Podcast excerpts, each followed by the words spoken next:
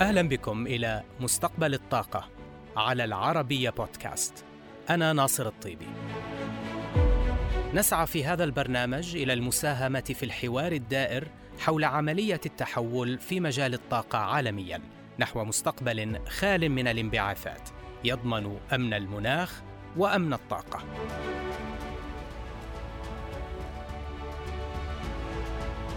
من أتيح له حضور مؤتمر الأمم المتحدة للمناخ كوب 26 في غلاسكو العام الماضي وكوب 27 في شرم الشيخ هذا العام.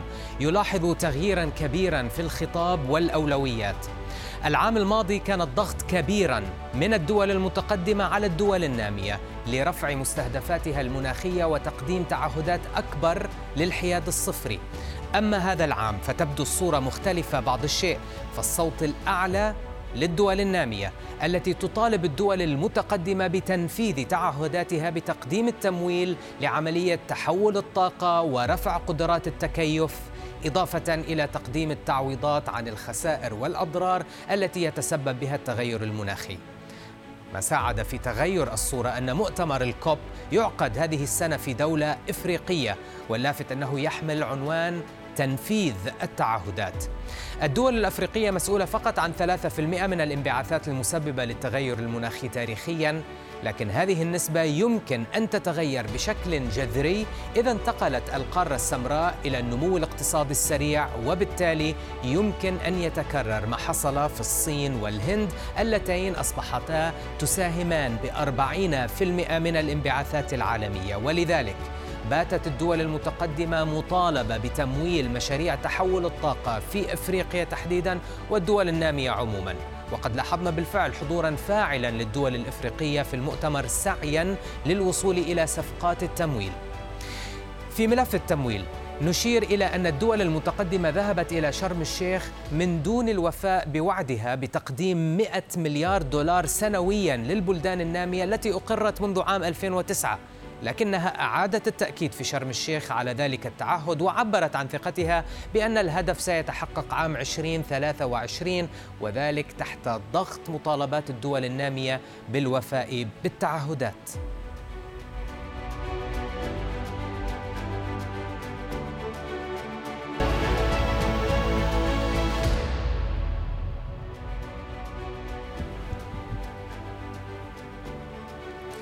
مشكلة تمويل تحول الطاقة تفاقمت في ظل إنهاك موازنات الدول النامية بعد جائحة كورونا ولذلك كانت المبادرة الأكبر في مؤتمر العام الماضي بإشراك القطاع الخاص من خلال تحالف لمؤسسات تدير 130 تريليون دولار من الأصول.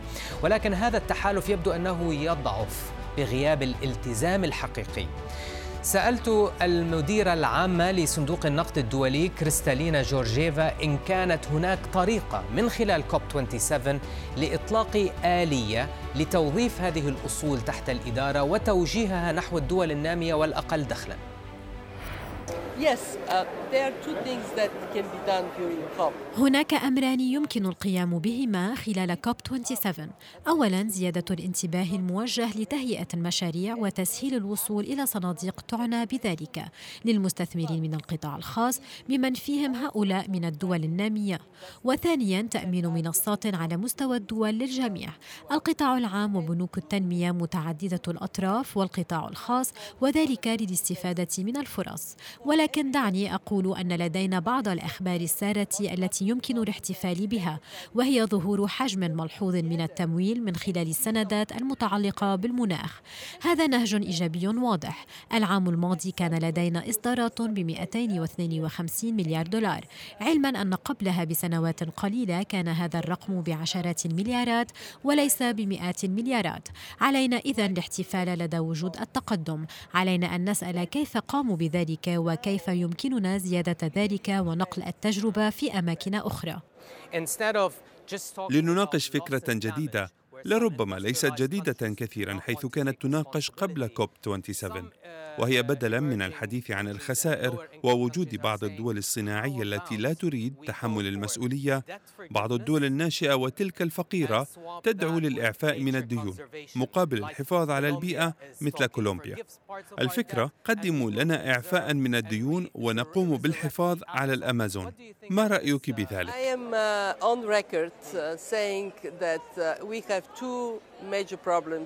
لدينا مشكلتان رئيسيتان. أولهما التأثير المناخي وثانيا مستويات الدين المتصاعدة لدى الدول الفقيرة. ومن المهم إيجاد حل للمشكلتين من خلال إيجاد صلة وصل بينهما. ونحن في صندوق النقد نراجع الشروط التي ستسمح بنجاح استبدال الديون بأهداف مناخية. ما توصلنا إليه هو أمران. أولا هناك طرق يمكن من خلالها لبيانات التخفيف من الانبعاثات أن تترجم إلى إيرادات متواصلة يمكن التنبؤ بها ويمكن يمكن استخدامها لخدمة الدين.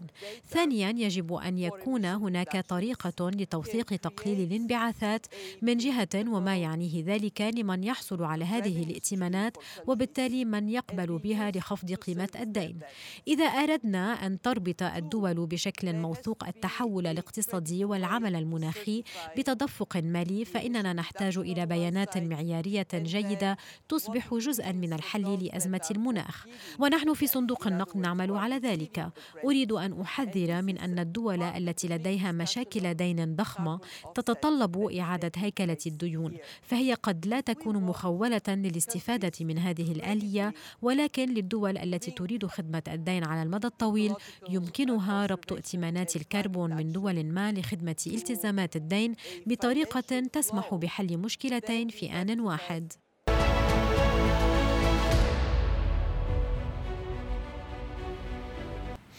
إلى جانب ملف التمويل فرض ملف الخسائر والتعويضات نفسه على أجندة كوب 27 باقتراح مصري في اللحظات الأخيرة بعد أن كان التعبير المستخدم في غلاسكو العام الماضي هو إطلاق حوار لمناقشة الترتيبات الخاصة بالتمويل لتجنب وتقليل ومعالجة الخسائر والأضرار المرتبطة بتغير المناخ. ناقشت هذا الملف مع الدكتور محمود محي الدين رائد المناخ للرئاسة المصرية في كوب 27 وكان هذا تعليقه. البعد الخاص بإفريقيا يحتل أولوية كبرى ولكن كما نؤكد كأفارقة وكعرب أيضا آه، ومنتمين للدول النامية إنه حتى تكون هذه القمة إفريقية بامتياز يجب أن تركز على إنفاذ التعهدات. ويمكن كل ما تسير في الطرقات الحديث مع الناس بيتكلم طيب هذه تعهدات قديمة سواء كانت تعهدات بتخفيض الانبعاثات أو بالتكيف أو بالتمويل. يمكن ملف الأضرار والخسائر كان تائها ومنذ دقائق تم اعتماده أن يكون في جدول الأعمال من ناحية التطبيق والتنفيذ أيضا لأنه مجرد إدراجه لا يعني الكثير ولكن كيفية تطبيقه هو الأمر الأهم. عدد من القادة في العمل الاقتصادي والتنموي في إفريقيا منهم من المفوضية آه، في إفريقيا الاتحاد الإفريقي وأيضا من بنك التنميه الافريقي يتحدثوا أيضا عن مسألة إن إنفاذ التعهدات يجعل هذه القمة بالفعل قمة لإفريقيا ولباقي الدول النامية. الحديث تكرر على أن هذه القارة مسؤولة عن أقل من 3% آه، من الانبعاثات ولكن هناك خطورة. إذا ما ترك الأمر على ما هو عليه وبنقل هذه الرسالة من خلالك أنه هذه الثلاثة في المية ليست دائمة. ليه؟ لأن القارة الإفريقية لديها مواردها من النفط ومن الغاز ومن أيضا من مصادر الفحم. فإذا لم يوفر التمويل للطاقة الجديدة والمتجددة وأن هناك نمو كبير في الاقتصاد وحركة للتحضر بمعنى الاربنايزيشن وبالتالي هذه الثلاثة في المية مع زيادة استهلاك الطاقة قد تزيد عن ذلك وساعتها يلجأ العالم مرة أخرى لمحاولة تخفيض الانبعاثات كما يحاول العالم المتقدم الآن التعامل مع الصين ذات 30% من الانبعاثات أو حالة الهند التي تقترب من حوالي 9% ولا بد لإفريقيا أيضا المضي قدما في برامجها التنموية الخاصة بها ولن تستطيع الانتظار لزمن لزمن طويل حتى يأتي لها التمويل الغربي بالنسبة للطاقات من النظيفة. كل أربعة حول العالم ليس لديهم وصول للكهرباء في ثلاثة من الأفرقة في 800 مليون واحد من غير كهرباء في السب صحارى منهم 600 مليون في أفريقيا وبقى كلهم في أفريقيا جنوب الصحراء آه، آه، جئت على ذكر موضوع مهم آه، دكتور محمود فيما يخص اللوس اند دامج وهي أيوه. التعويضات من نعم. الخسائر والأضرار الناتجة عن الكوارث الطبيعية بسبب التغير المناخي لا ننسى فقط المثال حاضر في باكستان في صحيح. الصيف كان هناك فيضانات غرقت ثلث صحيح. الأراضي صحيح. من من يدفع لباكستان من الدول الغربية التي كان لها الباع الطويل في الانبعاثات خلال العقود لا الماضية؟ لا شيء يذكر. التقدير للأسف عن الأضرار والخسائر التي لحقت بباكستان تتجاوز 40 مليار دولار. الأمين العام للأمم المتحدة توجه بطلب للمساعدة الإنسانية العاجلة. إلى الآن لم يلبى أكثر من 1% على سبيل التعهد. 1% من 40 مليار. فيجب أن نتخيل هنا أن الباكستان التي تعاني مثل دول نامية كثير من الضيق في الميزان المالي تحاول إنها تأتي بتمويل آه، جديد. أنا عايز أنظر لموضوع الأضرار والخسائر لتبسيط الأمر إن ده خط الدفاع الثالث. خط الدفاع الأول هو تخفيف الانبعاثات.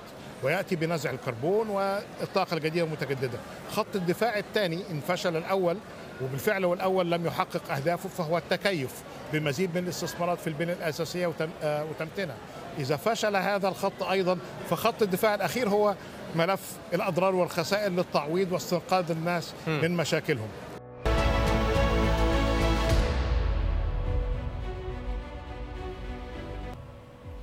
في كوب 27 الصوت الآخر مسموع بقوة بعيدا عن السردية الأحادية للدول الأوروبية والغربية عموما والتي تحمل خطابا عاطفيا في معاداة النفط. كان لي لقاء مع وزير الدولة للشؤون الخارجية ومبعوث شؤون المناخ في السعودية. عادل الجبير الذي أضاء على التناقضات في الخطاب الأوروبي بين فرض الضرائب على أنواع الوقود النفطي مقابل دعم الفحم الأكثر تلويثا. لنتابع أعتقد أنه الحوار بالنسبة لموضوع التغير المناخي آه، مليء بالمشاعر والعواطف ويفقد المنطق والعلم. ولما يكون الحوار مليء بالمشاعر تجد فيه تناقضات. على سبيل المثال الدول الأوروبية تفرض ضرائب 200% على البترول واحد الحجج إنه المناخ. في نفس الوقت يقدمون مساعدات للفحم الذي أسوأ للمناخ من البترول. طيب وين المنطق؟ في عندك هناك مطالبات بعدم الاعتماد على البترول والفحم. وبعد ما صارت الأزمة في اوكرانيا صار في مطالبات برفع إنتاج الفحم والبترول.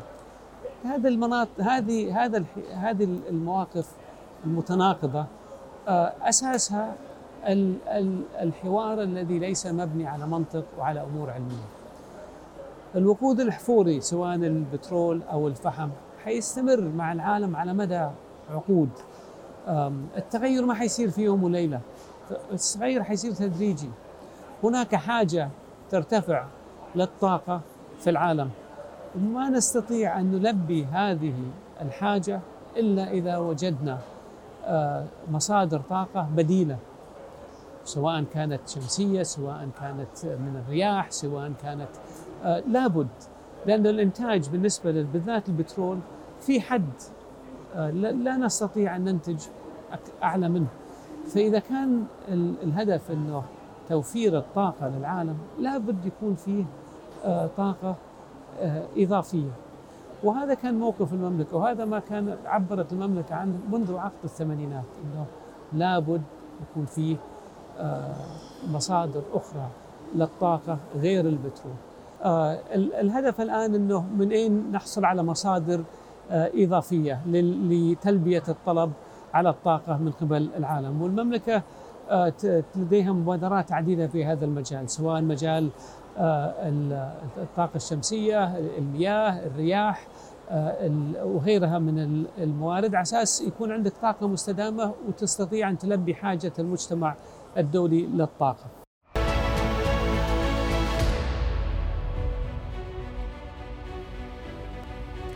الحديث عن تحول الطاقة يصبح ترفا في دول لا تصل إليها الكهرباء أصلا ولذلك يطرح السؤال حول الموازنة بين الأولويات المناخية وأولويات التنمية رئيس قطاع الاستدامة بشركة جنرال إلكتريك روجر مارتيلا تحدث على كيفية الموازنة بين الحاجة إلى توفير الكهرباء في الدول الفقيرة أو التي تعاني من المآسي وتوفير حلول الطاقة المستدامة في الوقت ذاته. We see a lot of tragedy unfolding in the world and, and you know our heart goes out to the people who are impacted by these events every day, whether it's the war in Ukraine or severe weather events or just supply chain issues that are you know causing people to go into the winter and have a lot of fear about getting through it. And, and our goal is to make sure that everyone has access to reliable, sustainable, affordable electricity. So this is a huge priority. It's always been our belief that we can achieve both goals at the same time, that you can decarbonize the energy space, but use that as an opportunity to make it more resilient um, while, you're, while you're doing that to improve access, to improve resiliency.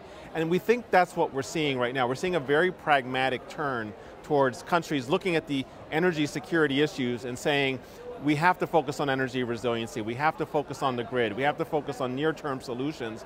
But using that as an opportunity not to walk away from climate change commitments, but to create the foundation to succeed in those longer term. So even if the short-term narrative is pivoting a bit to energy security, we find that wholly consistent with the larger overall goals of decarbonizing at the same time. And frankly, it helps create that foundation we need to be successful in both those goals together. Uh, Roger, finally, in terms of the tech innovation, you've mentioned a couple turbines that work on hydrogen blends or small modular reactors. Give us a little sneak peek into what you guys are work, working on, what your scientists are currently working on in terms of tech innovation. Yeah, it's pretty amazing. Our scientists, when you go to our research labs, it's like a time machine. You're seeing people working on parts of equipment that we hope to use 10, 12, 15 years from now, so you're getting a vision into the future. So when it comes to the energy side, the breakthrough technologies we're working on, you mentioned small modular nuclear reactors. This has been like the turnaround story of the last 18 months. I think growing recognition of the important role that nuclear has to play in the future, but not necessarily the same way we do it today. Modularized technology based on today's technologies that's more capable of being implemented, constructed, and built in more places around the world. So we have, I think, the leading technology in that, the BWRX. We should be demonstrating that later this decade, and huge momentum by governments all around the world to promote the development of our small modular reactor technology other breakthrough technologies, if we look at the role of turbines, gas turbines today, today most of our turbines run on natural gas, but we build our turbines to be kind of hydrogen ready. They can already run on blends of up to 50% hydrogen. We've had over 100 turbines run on eight, more than 8 million hours on hydrogen, and so that's a pre-combustion technology to lower emissions. And here at Sharm el Sheikh, we're going to be running, again, on the African continent for the first time, one of our turbines on the hydrogen blend but also post-combustion, developing the carbon capture technology that can keep up with that intensity of emissions to make sure we're able to capture both pre-combustion and post-combustion the emissions factor on turbines. And then on aerospace, we're invested in a very diverse range of technologies from open rotor designs, open fan designs, to hybrid electric engines, sustainable aviation fuel, and even hydrogen as a fuel. So we want to be ready for the industry that's going to need a diverse mix of aircraft and engine combinations to be investing today in all those opportunities that are going to be coming down the pike down the road.